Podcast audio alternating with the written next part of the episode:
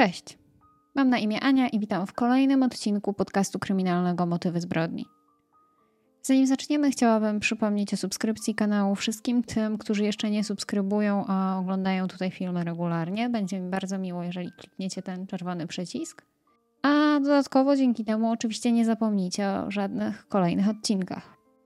Zachęcam również wszystkich do dołączenia do grupy facebookowej, gdzie dodaję zdjęcia i materiały do omawianych spraw, gdzie czasami w komentarzach pojawiają się jakieś dodatkowe informacje, które są niezwykle ciekawe. A także zachęcam Was do tego, abyście dzielili się tam swoimi przemyśleniami, sugestiami na tematy, które chcielibyście usłyszeć w kolejnych odcinkach. W dzisiejszym odcinku przeniesiemy się do lat 90. XX wieku, kiedy w Polsce doszło do transformacji systemowej i właściwie zmieniło się wszystko. Transformacja objęła swoim zasięgiem prawie wszystkie sfery życia. Gospodarka w Polsce była nierynkowa i zdominowana przez przedsiębiorstwa państwowe. Przedsiębiorstwa te nie były nastawione na zysk i nie funkcjonowały mając na celu jego maksymalizację, dlatego też nie radziły sobie najlepiej w nowym kapitalistycznym świecie i zaczęły upadać. A wraz z ich upadkiem coraz więcej osób stawało się osobami bezrobotnymi. Dla jednych były to trudne lata, a zmiana mocno zachwiała ich codziennym życiem, odbierając im rzeczywistość, jaką do tej pory znali i w jakiej umieli funkcjonować.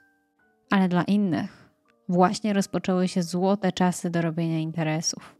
Wśród tych, którzy postanowili wziąć sprawę w swoje ręce i rozpocząć działalność, był Bogusław Baksik i Andrzej Gąsiorowski, którzy założyli spółkę z ograniczoną odpowiedzialnością o nazwie RB. Szybko Baksik i Gąsiorowski pojawili się na listach najbogatszych Polaków. Jednak dziś Art B oraz jego założyciele kojarzeni są przede wszystkim z głośną aferą finansową, jaka miała miejsce na początku lat 90. Bogusław Baksik urodził się 8 kwietnia 1963 roku w Bytomiu, ale najmłodsze lata swojego życia spędził w Zabrzu. Tam się wychował i chodził do szkoły podstawowej oraz liceum. W trakcie swojej edukacji Bogusław równolegle uczęszczał też do Państwowej Szkoły Muzycznej imienia Stanisława Moniuszki w Zabrzu. Skończył także studium nauczycielskie w Katowicach. Po ukończeniu szkoły Bogusław wyprowadził się z Zabrza i dwukrotnie się przeprowadzał. Najpierw zamieszkał w Goleszowie, a później w Cieszynie. Bogusław miał dość bogatą historię zatrudnienia. Pracował najpierw jako stroiciel fortepianów, dobrze się znał na muzyce i właściwie lubił to robić. Następnie pracował jako nauczyciel, pomocnik przy budowie kościołów. Był też organistą oraz akwizytorem w firmie Jurgast w Wiśle, gdzie też szybko awansował na pełnomocnika zarządu spółki. Jednak kiedy tylko doszło do zmiany systemu w Polsce, Bogusław zainteresował się biznesem i postanowił spróbować swoich sił w tej dziedzinie. Warto wspomnieć, że Bogusław miał obywatelstwo polskie, niemieckie i od 1990 roku także izraelskie. W 1989 roku założył własną spółkę z ograniczoną odpowiedzialnością o nazwie RB z siedzibą w Cieszynie z kapitałem zakładowym 100 tysięcy złotych, czyli 10 złotych po denominacji. Pierwszymi wspólnikami byli Bogusław Baksik, Franciszek Juroszek i Joanna Filak. Niedługo po rozpoczęciu działalności ten skład się troszeczkę zmienił, ponieważ Wśród wspólników pozostał głównie Bogusław Baksik oraz Andrzej Gąsiorowski, który do spółki dołączył. Pozwólcie, że krótko opowiem Wam, kim był pan Gąsiorowski. Urodził się 26 czerwca 1959 roku w Nysie.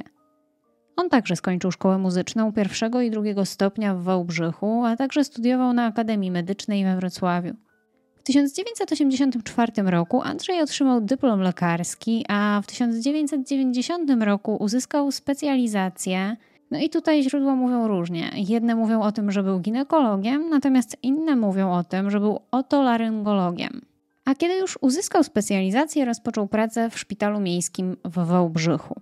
Panowie Baksik i Gąsiorowski poznali się w 1985 roku, a 10 lutego 1989 roku Bogusław zaproponował Andrzejowi stanowisko wiceprezesa swojej nowo otwartej spółki. I w ten oto sposób w czerwcu 1990 roku spółka RB posiadała już trzech wspólników. Bogusław Baksik miał 55% udziałów, Andrzej Gąsiorowski 40%, a pozostałe 5 mecenas Jerzy Pagieła. Kapitał zakładowy spółki także wzrósł do kwoty miliona starych złotych, co po denominacji daje 100 tysięcy złotych. Spółka ArtB była wzorowym przykładem tego, jak powinien rozwijać się biznes w kapitalizmie. Rosła z dnia na dzień. Na początku ArtB zajmowało się importem urządzeń elektrycznych z Niemiec i Korei, ale bardzo szybko rozszerzyli swoją ofertę i zaczęli obracać także innymi produktami. Od herbaty i kawy przez sprzęt RTV, samochody, złoto, odzież, broń, a nawet dzieła sztuki. Bardzo szybko otwierali nowe oddziały w całym kraju. Było ich aż 34 w różnych miastach Polski. Zyski firmy zaczęły iść w miliony, a rynek chłonął wszystko, co tylko ktoś miał na sprzedaż. Szalejąca wtedy hiperinflacja sprawiała, że ludzie nie widzieli sensu w odkładaniu pieniędzy, a dodatkowo, przyzwyczajeni do ciągłych braków towaru obywatele Polski chcieli poczuć nowe czasy, kupując wszystko, czego przez tak długi czas nie mogli mieć. W ciągu 24 miesięcy spółka ArtB otworzyła holding 3000 firm w 50 krajach i osiągnęła 22 miliardy obrotu w ciągu 24 miesięcy spółka ArtB stworzyła holding 3000 firm w 50 krajach i osiągnęła 22 miliardy dolarów obrotu rocznie. Baksik i Gąsiorowski zatrudniali 150 tysięcy pracowników oraz odnotowali przyrost kapitału na poziomie 200% w skali miesiąca. W kwietniu 1991 roku ArtB w spektakularny sposób uratowało przed bankructwem Ursusa, wykupując roczną produkcję traktorów za kwotę niemal 200 miliardów złotych gotówką. Akcja ta przysporzyła im wiele popularności, a oni mieli już pomysł, jak sprzedać zakupione traktory polskim rolnikom, czy też na innych rynkach. W międzyczasie otworzyli też montownię telewizorów Goldstar w Wałbrzychu, wykupowali od padających państwowych spółek zakłady drobiarskie, mleczarskie czy też olejarskie. W pewnym momencie założyli nawet własny zakład pogrzebowy, gdzie produkowali trumny. Spółka ArtB finansowała także świat polityki, między innymi kampanię prezydencką Lecha Wałęsy czy Porozumienie Centrum. W 1991 roku Baksik znalazł się na ósmym miejscu na liście 100 najbogatszych Polaków tygodnika Wprost. Tym samym roku otrzymał także nagrodę Kisiela w kategorii biznes.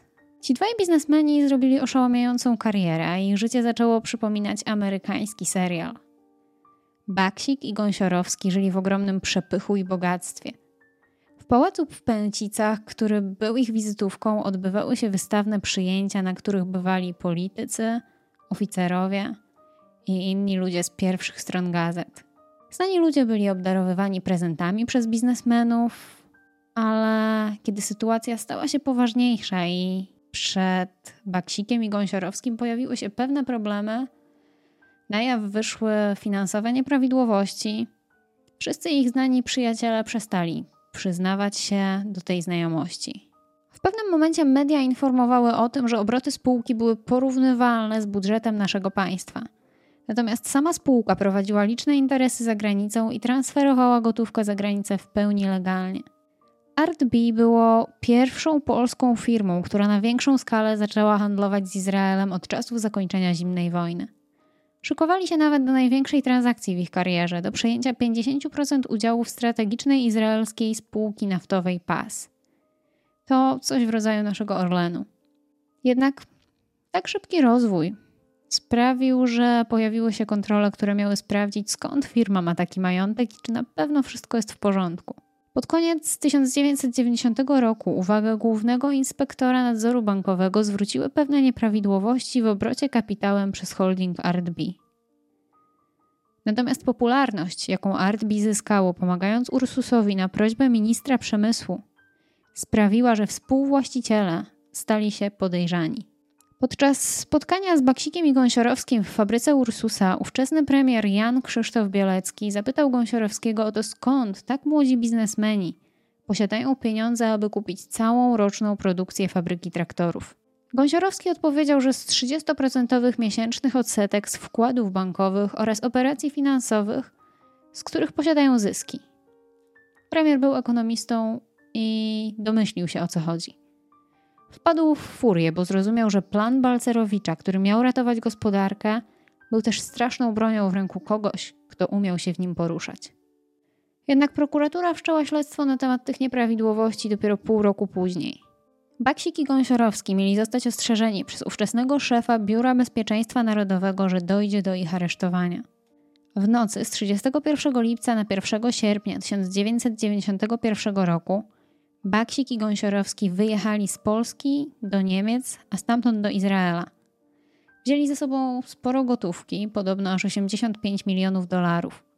Dla zwykłych ludzi była to kwota niewyobrażalna. Oni po prostu zapakowali to w worki i zabrali to do swojego prywatnego samolotu. Udało im się opuścić kraj prywatnym samolotem jakieś dwie godziny przed zamknięciem dla nich granic. Izraelu Gąsiorowski dość szybko otrzymał obywatelstwo, natomiast jak wspominałam, Baksik już takie obywatelstwo posiadał i dzięki temu byli tam bezpieczni, ponieważ rząd Izraela nie chciał tak łatwo współpracować, jeśli chodzi o ekstradycję i wydawać swoich obywateli. W tamtym czasie do biur ArtB i prywatnych mieszkań wkroczyli funkcjonariusze UOP.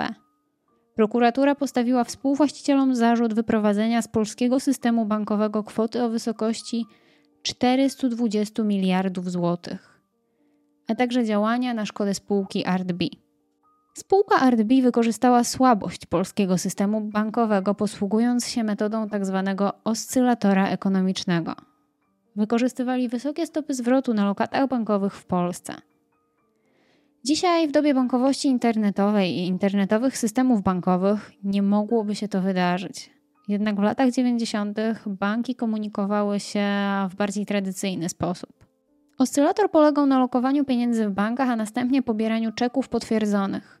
Następnie taki czek był przekazywany do innego banku, realizowany tam, zakładano tam lokatę, aby pobrać kolejny czek i zrealizować go w innym banku. Dzięki temu można było pobierać podwójne oprocentowanie za posiadanie tych samych pieniędzy. Informacje o tym, że dany czek został zrealizowany, a pieniądze pobrane z konta w danym banku i przekazane do kolejnego, szły pocztą, więc trwało to czasami kilka tygodni.